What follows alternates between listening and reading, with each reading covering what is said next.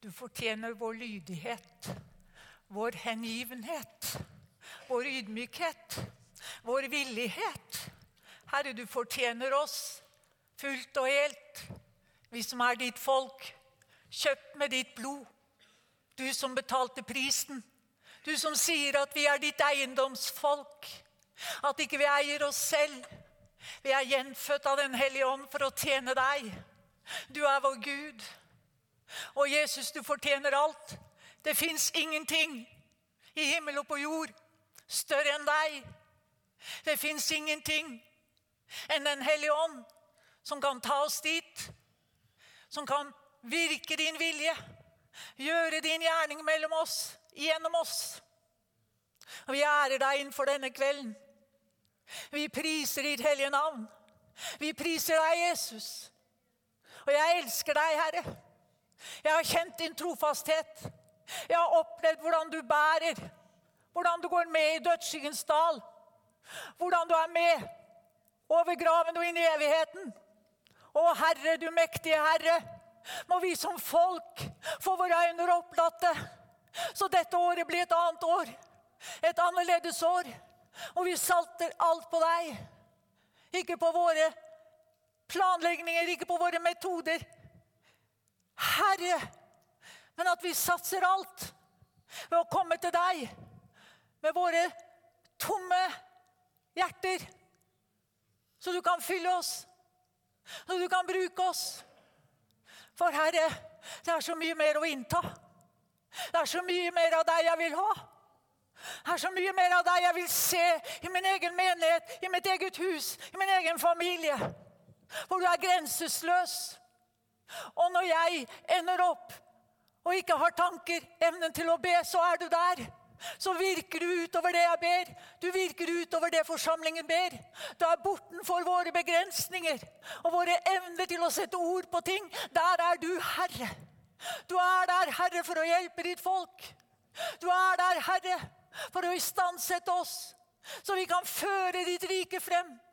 Du som sa når du lærte dine disipler å be, at vi skal be om at ditt rike skal komme, og din vilje skal skje, som i himmelen, så på jorden. Gud, la det være starten på noe nytt. La det være starten på noe mer. La det være en tid av innvielse i våre hjerter. At vi innvier oss. Ta oss til det punktet at vi erkjenner at vi har ingenting å bidra med. Jeg har ingenting å bidra med, Herre. Jeg kan ikke engang omvende meg fra mine synder uten at du gir nåde og kraft. Da er jeg kommet til veis ende, Herre. Da vet jeg at alt med mitt liv, det beror på deg. Alt i våre liv beror på deg, Herre. Å, Jesus. Å, Herre. Jeg priser og ærer ditt navn. Jeg takker deg, Herre, for denne kvelden. Jeg takker deg, Jesus. Jeg priser deg. Jeg priser deg, Herre. Jeg har hatt Jeg kan ikke si jeg har hatt en hard uke, men Jeg følte Gud sa jeg skulle snakke om Den hellige ånd, og jeg sa nei. Så jeg skrev to prekener. Så la jeg bort den første, for jeg tenkte det der kan jeg ikke si. Så gikk jeg inn på kontoret i går og så skulle jeg gå igjennom den jeg hadde skrevet. Så tenkte jeg det slo jo ikke an. Det berørte jo ikke hjertet mitt engang. Jeg sa til Gud jeg kan ikke stå her oppe og lire ut av meg noen ord for å kjøre trygt. Fordi jeg har behov for å kjøre safe. Klare meg, liksom. En kontrollfrik som jeg er. Så jeg måtte gå tilbake igjen. Og så skal jeg dele med dere. Og det har vært mye bønn. Ikke fordi jeg har vært redd. Ikke fordi at jeg har vært urolig, men jeg har kjent Den hellige ånd har vært så på. Og det er noen ganger jeg kjenner jeg drives og drives og drives. Og det er ikke slitsomt, for jeg gjør det ikke i min egen kraft. Da er det Gud som kommer og tar tak. For vi, folkens, vi er faktisk kalt til å gjøre det umulige. Gud har kalt oss til å gjøre noe som er helt umulig for hver og en av oss. Han har kalt oss til noe som bare han kan gjøre.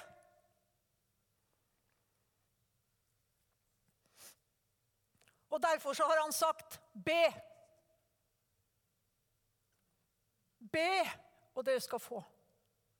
Derfor har han sagt at mitt, kalle, mitt hus skal kalles et bønnens hus. Og da må jo vi være et bønnens folk. For det er jo vi som er Herrens hus. Åndelige tempel. Bærer av Den hellige ånd. Martin Luther sa følgende Det her, kjære ungdommer, det er sagt for 500 år siden. Slik det er skredderens oppgave å, sy klær og skomakerens oppgave å lage sko. Den gangen så lagde skomakerne sko. Nå reparerer de sko. Slik er det den kristnes oppgave å be. Og det sier noe. Gud søker ikke spesialister i bønn. Det er ingen som har et spesielt kall.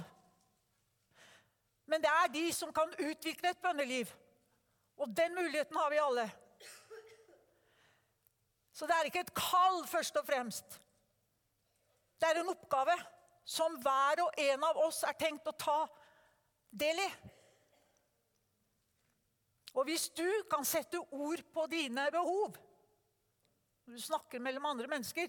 Hvis du kan sette, behov, sette ord på hva du er redd for, hva du er bekymra for, hva du ønsker, hva du vil, ja, men da kan du be. For det er det det handler om Det er det det handler om å sette behov på, sette ord på. Gud, jeg har ingenting i meg selv. Jeg har bare deg, og det er sannelig nok for tid og evighet.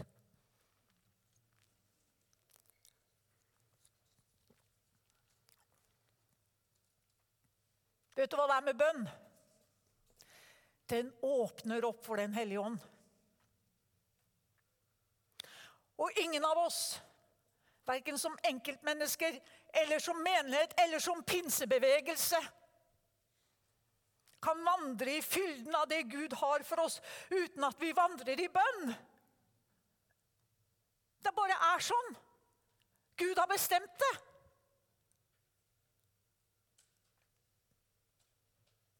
Herren kaller alle troende til et liv i bønn, uansett hvor lenge vi har frelst, uansett hvordan vi føler det. Uansett hvor svake vi er, uansett hvor mye vi famler med ord. For kraften ligger ikke hos meg, den ligger ikke hos deg. Den ligger i bønnens og nådens ånd, som også er Den hellige ånd. Og bønn, sier vi, handler først og fremst om relasjon. Og Derfor så sier Jesus til disiplene sine, 'Lær oss å be'. Så sier han, 'Du skal si' Min far, du som er i himmelen. Der er relasjonen med en gang. Far, du som er i himmelen. Det er det ene. Det andre er at det handler om resultater. Og det er også viktig for Gud.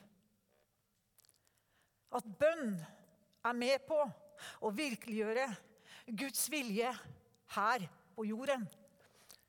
Frode, det var en tekst der når jeg kom inn. Kan du sette på den? Det var um, uh, Se, jeg gjør noe nytt. Det, der, ja. Jeg kom inn og satte meg her, så opplevde jeg det så profetisk. Jeg fikk det bibelverset når jeg begynte å gå her og var med i bønnesamlingene. Da fikk jeg det bibelverset. Og når jeg kom inn her og kjente hva Gud hadde lagt på hjertet mitt i dag, så tenkte jeg men det er jo profetisk. Nå skal det spire frem. Hva er det som skal spire frem? Bønnevekkelsen. For bønnens ild er den som tenner vekkelsens ild. Og så er det sånn at livsførselen, hvordan vi lever, hvordan vi behandler hverandre, hvordan vi snakker om hverandre, det er viktig. For bønnelivet vårt, det påvirkes. Det påvirkes av hva vi sier, hvordan vi er. Så den påvirkes i aller høyeste grad av hvordan vi lever. Djevelens strategi er å bekjempe bønn. Og han er en tusenkunstner. Han er helt utrolig på å fortelle hvor elendig det står til med oss. Og hvor fattigslig og stakkarslig det er. Og at bønnen din den når ikke lenger enn opp til taket. Og så tror vi det. Og så jatter vi menn. Ja. Men det er ikke sånn det er. Han vet at det eneste som vi som pinsevenner og Guds folk og personlige, private kristne, hva jeg skal si, det eneste som kan beseire Satan, det er bønn til en levende Gud. Han som formår mer enn alt av det vi kan. Og som jeg sier, Hvis du kan sette ord på behovene dine, så kan du be. For det er det det handler om. Guds våpen for å bekjempe fienden. Guds våpen for å bekjempe mørket der ute. Det er mennesker som deg og meg som ber. Unnskyld at jeg roper, men det er så mye på innsiden her. Du og jeg. Våre bønner kan endre den byen her. Kan endre den nasjonen her. Kan endre Europa. Mens vi som menighet søker metoder og strategier og legger planer. Ja, vi ber jo litt. Ikke minst at Herren skal velsigne oss. Så søker Gud folk. Han søker mennesker som er villige til å ta tid i bønn, og mye tid hvis det er nødvendig. Enda mer tid. Enda flere timer. Enda flere grupper. Han kaller oss. Og i, i forrige helg, tror jeg det var For jeg er litt sånn seint ute, så jeg er inne og henter når, når ting er over. For da, da, kan jeg sitte der i ro make, og så kan jeg slå av og så kan jeg komme tilbake igjen. Så var det bønnekonferanse i Haugesund. Og det var fullt hus. Det var fullt hus. Og det var folk langveis ifra. Og så sier han Fagervik Jeg har vært på mange bønnekonferanser opp gjennom åra, sa han. Men dette er første, den første bønnekonferansen jeg har vært på. Hvor det bes mer enn det snakkes. Hvor det bes mer enn det prekes. Og jeg bare kjente det gjorde så godt. Og så sa jeg til Gud Tro ikke, Gud, at jeg har tenkt å stå i periferien. Tro ikke at jeg er fornøyd med å se meg selv og min egen menighet stå i periferien. Gud, hjelp oss. Vi skal være en del av det Gud gjør. Vi skal være en del av den bønnebevegelsen som tenner ilden i landet vårt. Og pinsen kom ikke i en prekengudstjeneste. Nå tror jeg at Den hellige ånd kan være til stede når Guds ord forkynnes.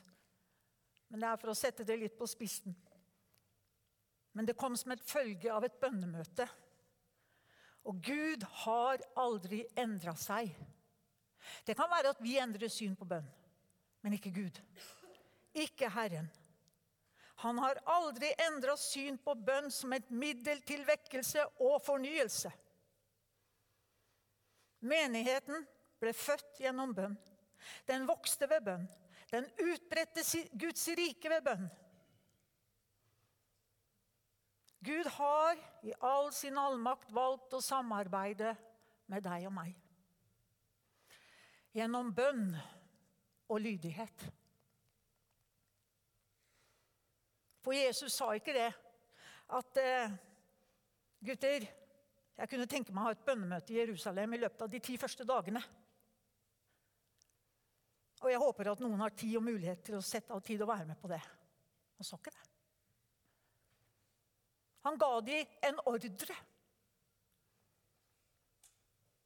Han sa dere skal ikke forlate Jerusalem, men vente på det som Faderen har lovet.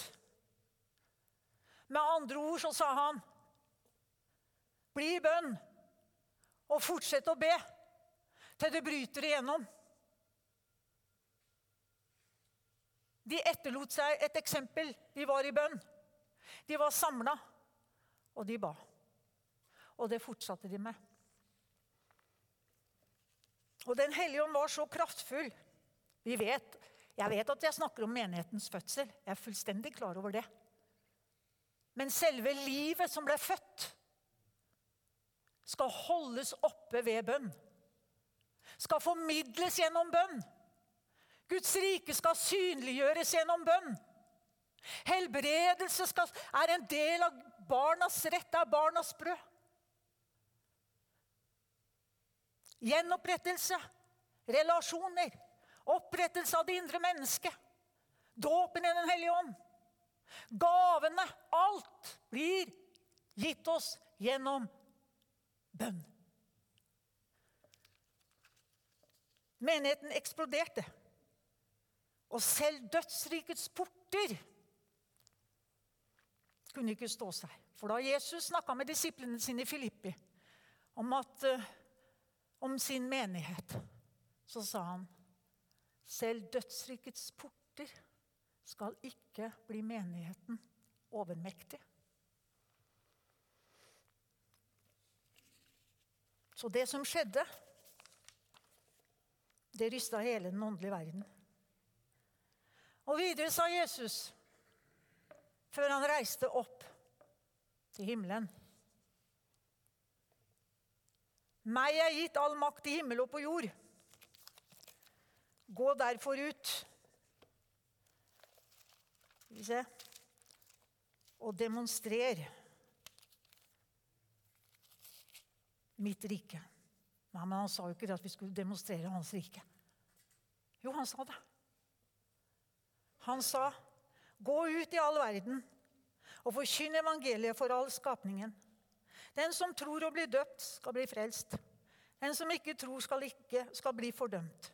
'Og disse tegn skal følge dem som tror.' 'I mitt navn skal de drive ut onde ånder, og de skal tale med tunger.' De skal ta slanger i hendene, og om de drikker dødelig gift, skal det ikke skade dem. På syke skal de legge sine hender, og de skal bli helbredet. Så ble Herren Jesus, etter at han hadde talt dette til dem, tatt opp til himmelen. Og han satte seg ved Guds høyre hånd. Men de gikk ut og forkynte overalt. Og Herren virket med og stadfestet ordet ved de tegn som fulgte med. Dere, vi har enda litt land å innta. Ja. Og vi kan fint gjøre det. Og det er helt enkelt. Det handler om å komme sammen og be. Det er så enkelt! For vi lengter vel etter mer alle sammen. Det tror jeg. Jeg tror vi ønsker å se Herrens herlighet midt iblant oss. Så det er vi, tenk det, det er du og jeg, som skal formidle at Herren har all makt i himmelen og på jorden. Vi ser det gjennom hele apostelens gjerninger. Vi ser det i bølger gjennom kirkehistorien. Alle vekkelser som endrer generasjoner, begynner med bønn. Og det oppholdes ved bønn.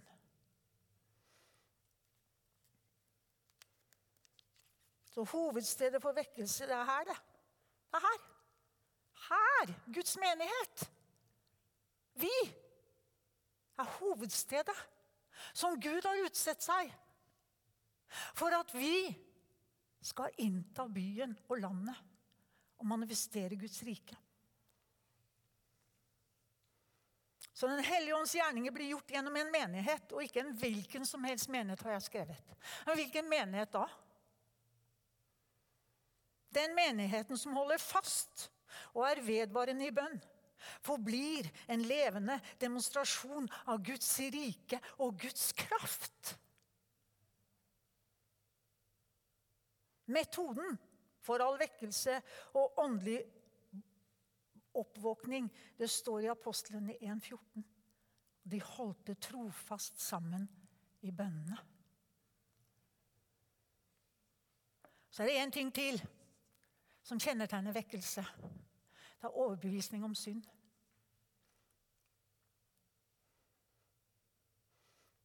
Der det, der, når det brøt ut vekkelse, som et resultat av disiplenes lydige svar og bønn til Guds løfte ble, beløst, ble forløst, så kjenner vi historien om ild på. Det var tunge lik som ild, og det var bulder og brak, og folk samla seg. Så kommer Peter, og han holder tidenes største vekkelsespreken. 3000 mennesker. Og vet du hva de sa? Hva skal vi gjøre for å bli frelst? For du skjønner, Den hellige ånds nærvær avslører synd. Det er ikke du og jeg som skal gjøre det. Vi skal ikke overbevise verden om at vi synder. Vi skal bare sørge for at vi er bærere av Den hellige ånd. Så Jeg har hørt om mennesker som har vært så fullt av Den hellige ånd at når de har kommet inn på steder, så har folk kommet i syndenød. Det går an.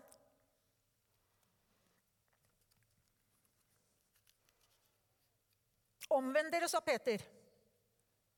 Brødre, hva skal vi gjøre for å bli frelst? Omvend dere, sa Peter. Og la dere døpe på Jesu Kristi navn til syndenes forlatelse. Vet du hva verden trenger i dag? Å få sine synder tilgitt. Det er det de trenger. For det er det som leger, det er det som gjenoppretter, det er det som gjør mennesket helt på innsiden. Det er det vi har erfart du og jeg som sitter her.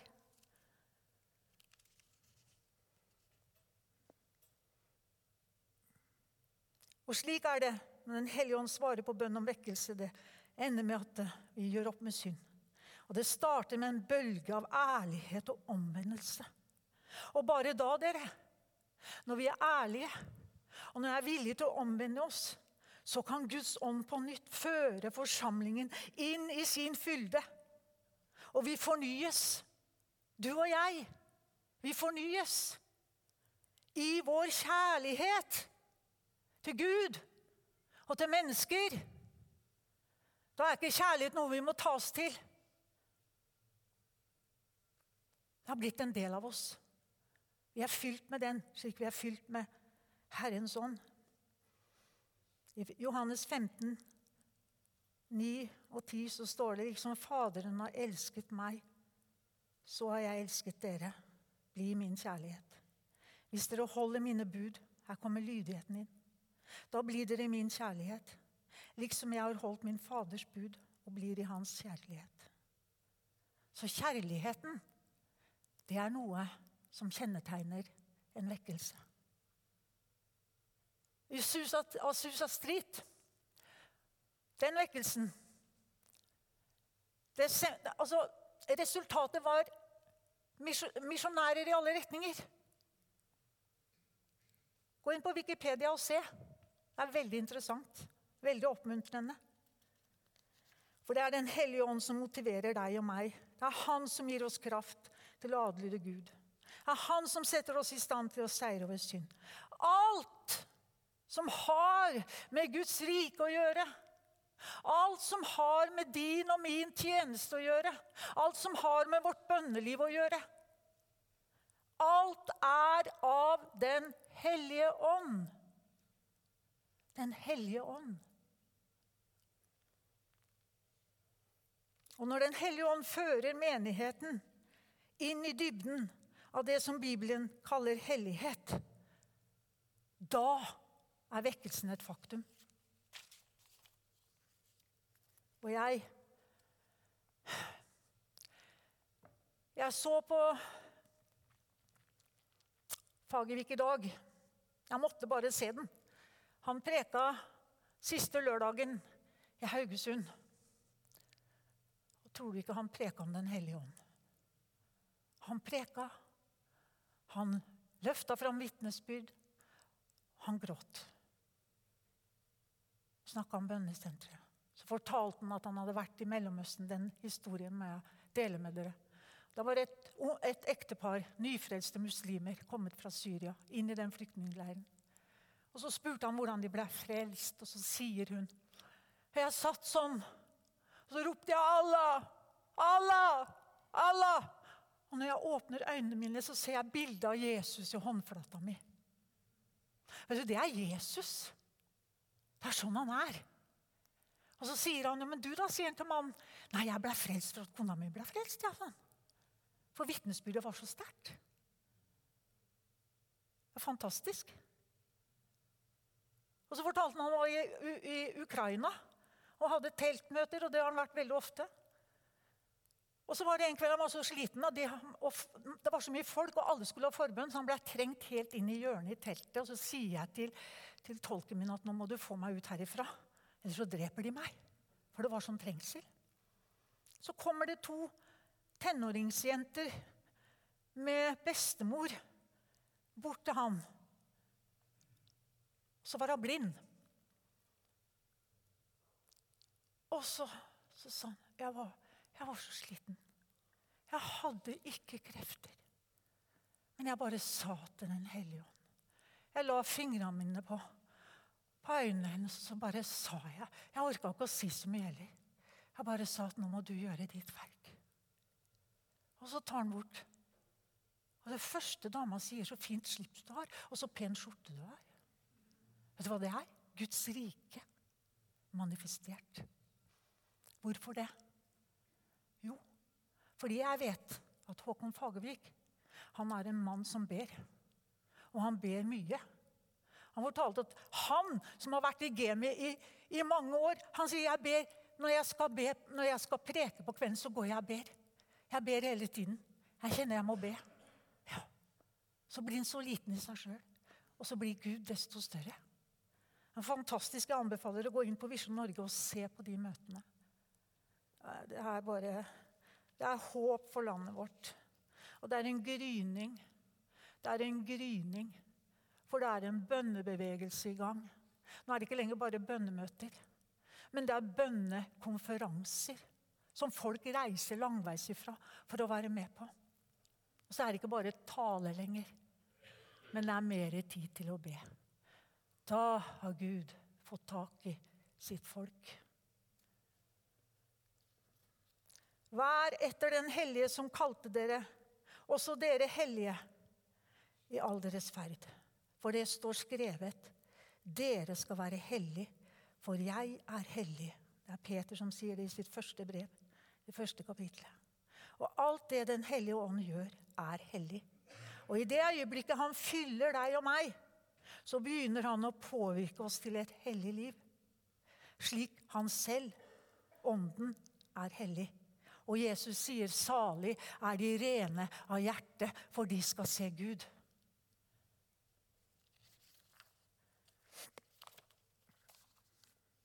Ja, det går unna. Jeg skal klare det.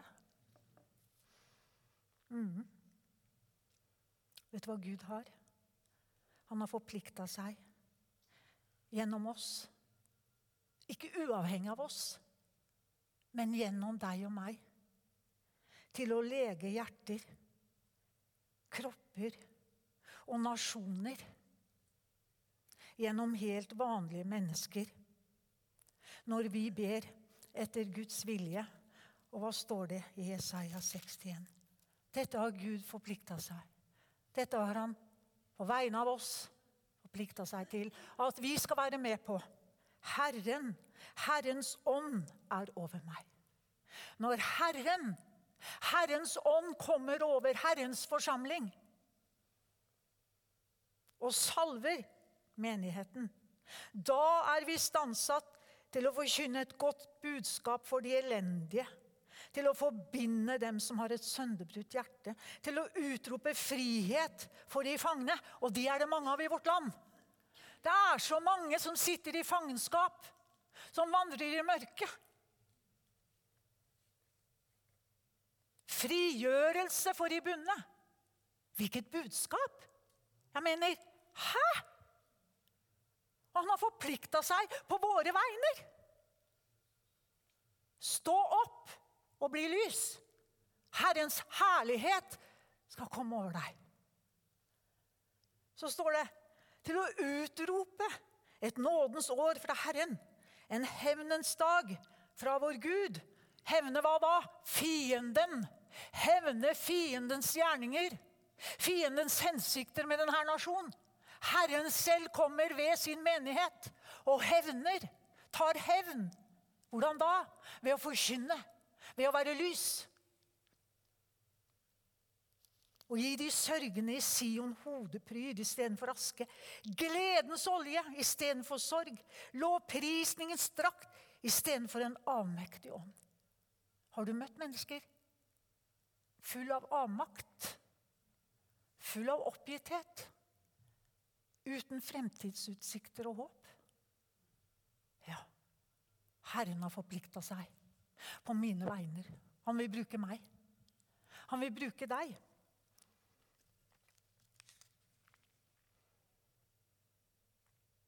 Og det er Den hellige ånd. Det er bare Den hellige ånd. Det er bare Den hellige ånd. Vi ber, men når vi ber, så forløser vi Den hellige ånd. Det handler ikke om hvor sterkt du kjenner at du ber. Det handler ikke om hvor veltalen du er. Det handler om at når du og jeg åpner hjertene våre for Herren, så kommer Den hellige ånd. Når du og jeg sier 'Kom, Hellige ånd'. Velkommen, Hellige ånd. Kom med din styrke. Kom med din renhet. Fyll meg, Herre. Fyll meg opp. La meg få del i hele din fylde. Driv meg inn i lønnkammeret. Hold meg oppe. La meg be. La meg be denne nasjonen tilbake til ditt hjerte, Gud. Å, Herre. Trenger ingen synlig plass. Trenger bare et sted å be. Et sted å være sammen med dere, et sted å være sammen med Herren. Det er en så nøye sammenheng mellom forløsning av bønnens ånd og vekkelse. For som jeg sa i stad, det er bønnens ild som tenner vekkelsens ild. Og Så er det to ting som kommer klart fram i Matteus. Det er at når Guds rike rykker frem, så er det spørsmål om konflikt. Det blir alltid turbulent. Hvorfor da? Djevelen gir jo ikke slipp på sine fanger, han, uten at vi kjemper. Uten at vi pusher litt i bønn, uten at vi presser litt på når vi ber. For sannheten er at Guds rike, når det rykker frem, så rykker det frem mot en fryktelig motstander. Mørkets makter reiser seg mot Guds rike. Men han som er i meg, han som er i deg, er større enn han som er i verden. Hæ? Fantastisk! Jeg smeller nesten av. Gud sa det til meg en gang jeg lå på kne hjemme i stua mi. Jeg måtte ned på kne, ellers hadde jeg løpt ut. Og så hadde jeg fillerista naboen, for jeg var så sint på den. Og da ba jeg, og jeg tenkte, hva er det her? Så sier Gud, Større er han som er i deg, enn han som er i verden. Og da skjønte jeg at den konflikten vi hadde til stadighet med naboen vår, var av åndelig art. Så begynte vi å be. Så begynte jeg å be. Og Hver gang jeg kom hjem på onsdag etter å ha vært med to damer, pinsevenner i Tabernakelet, skal du vite, og vi ba, så ble det bråk. Det blei bråk hver onsdag, like sikkert som ammen i kirka. Men hvis du skal trene deg å be så, og går inn i bokseringen, så må du tåle noen runder. Jeg, sånn, jeg så meg selv som en sånn der, du vet de der figurene med sånn fjær. vet du? Bang! Og så var det opp igjen. Og så, bang! Og så var det opp igjen. Det er sånn du får bønnemuskler. Jeg har prøvd det, jeg kan anbefale det, men du må bare holde ut. Yes. Mm. Og så er det én ting jeg vil si. Guds rike er en overvinnende kraft. Og den kan ikke Guds rike og Guds menighet kan ikke eksistere på en fredfull og nøytral side. På en nøytral måte, side om side, med det som er av ulik og motsatt natur. Enten så taper vi, eller så taper de. Det strir mot selve Guds natur. Å være passiv og ettergivende i møte med mørkets rike. Og hva er det nå? Jeg må lese det. Vi har tid til det. Jeg må lese det som står i, i Johannes her. Først så sier han, 'Dere har ikke utvalgt meg.' Nei, men jeg har utvalgt dere. Og bestemt dere. Han har bestemt for deg at du skal gå ut og bære frukt. Du og jeg. Og frukten skal vare. Hvorfor? Jo, for det er Herren. Det er Herrens frukt. Han er evig. Frukten vår skal vare evig. Og at Faderen skal gi dere alt dere ber han om i mitt navn. Og så står det dette er mitt bud, at dere skal elske hverandre. Det går hånd i hånd. Når verden hater dere, når verden hater dere, da skal dere vite at den har hatet meg før dere. Var dere av verden, da ville verden elske sitt eget. Men fordi dere ikke er av verden, men jeg har utvalgt dere av verden, derfor hater verden dere. Jeg vet ikke hva de sier om oss, da? Mørkemenn? Ukjærlig? Og hva var det, er det mer? Vi er, vi er er det, er det kaller det Vi skal være Det er et ord som går igjen stadig vekk, som jeg tenker på. Vi er ikke Så står det stille. Men iallfall så er det det de sier. Vi er mørkemenn. Vi er ukjærlige. Og vi er ikke rause engang. Vi er hatiske, vi er kritiske, vi er dømmende. Ja. Og vi tar det til oss. Gjør vi ikke det? Og så lurer vi på hvordan skal vi gjøre det, da? Vet du hva Jesus sier? Det syns jeg er så bra. Han sier Ta dere i vare når verden taler vel om dere. Oi, for et frigjørende ord, tenkte jeg. Nei, så herlig. Det er ikke der det ligger, da. At verden skal tale vel om oss. Men Gud holder sin hånd over oss. Ja, ja tolerant. Vi skal være så tolerante. Dere er intolerante òg. Ja. Og skal vi med dere? Vi er som avskum, sa Paulus. Kanskje vi kommer dit en dag. At det er det vi opplever at vi sier. Så sier han «Eh, Kom i hu det ord som jeg har sagt til dere. En tjener er ikke større enn sin herre. Altså, du og jeg er ikke større enn Herren. Hva var det sa om Jesus? Din storheter. Du har, buk, Gud, du har buken din som Gud, Jesus. Drikker vin. Din dranker. Hæ? Og hvem er det du er sammen med? Syndere. Horkarer og horer. Syndige folk. De målte han etter sin religiøse skala. Ja. Her i sier da? Det gjør da ingenting. Bare vi vet at i vårt hjerte så brenner en ild og en kjærlighet og en nød for denne verden som tar oss inn i lønnkammeret. Så kan de jo si hva de vil. For det er ikke de som skal dømme. Og har de forfulgt meg, så vil de forfølge dere. Har de holdt mitt ord, så skal de holde deres ord òg. Hæ? Fantastisk! Det er bare å forkynne. Ja, det er noen som ikke tar imot. Men de som tar imot, da?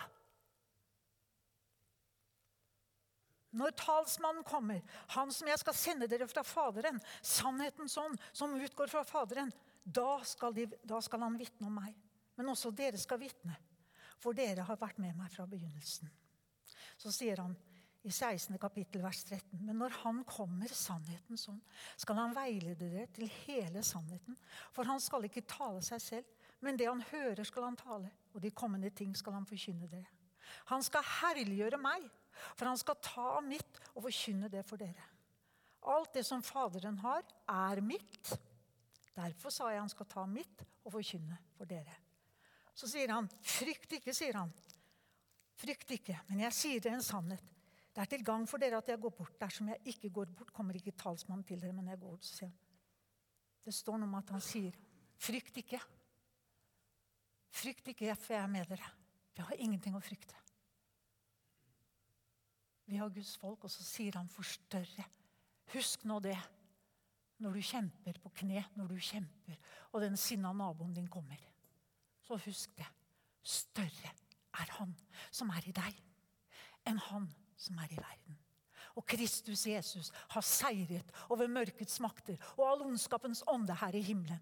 Han ble tatt opp til himmelen. Der sitter han ved Faderens høyre hånd, over alle makter og myndigheter, over hvert navn som, over alle velder og herredømmer. Over ethvert over ethvert navn som nevnes, ikke bare i denne verden, men i den kommende verden. Og hvor er vi?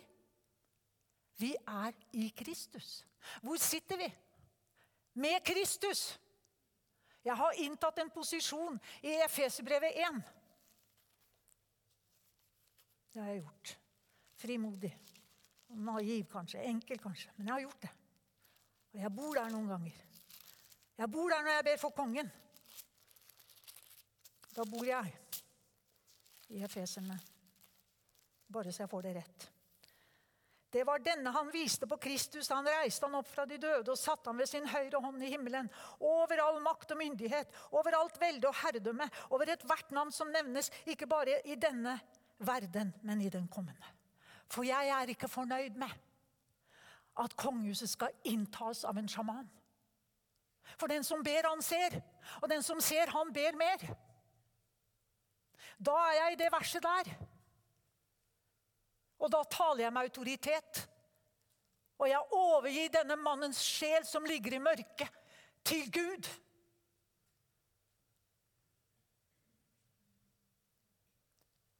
Uten menigheten, uten at vi står opp, og uten at vi bruker det Gud har gitt oss,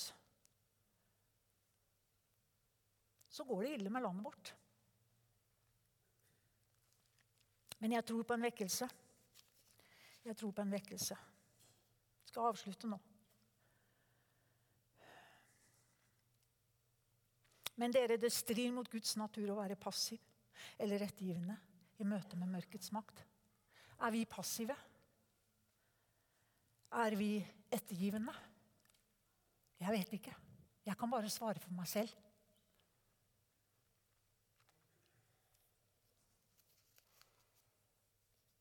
Gud har valgt å arbeide gjennom mennesker og det han gjør, er uatskillelig knyttet til våre bønner. Mm. Ta din posisjon i Kristus. Utover autoritet der du er satt. Og så tror jeg på en vekkelse.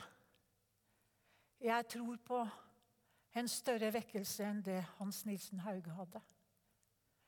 Jeg vet ikke når Jesus kommer igjen. Men jeg vet at når han kommer, så skal han hente en renset, helliget, ren brud som ikke er flekket av denne verdens sanseligheter, for det står i Guds ord. Og jeg tror om det braker løs i landet vårt, så kommer den vekkelsen hvis Jesus kommer igjen, så kommer den vekkelsen til å, være, til å pågå til Herren kommer. Det har vært vekkelse i Norge før. Begynte i, i Meyers gate i Oslo. Ja, Det varte i ti år. En puslete, forsiktig, snill eh, vaktmester som bøyde kne ved, ved talerstolen hver gang han var på jobb og ropte til Gud om vekkelse. Så brøt det løs. Det gikk to, ti år. Spredde seg over hele landet. Vi kan ta dette landet, vi kan skape en vekkelse som varer. Den ruller over nasjonen. Og Herren har sagt at ungdommene skal gå lengre med Gud i denne tida enn bestefedre og fedre.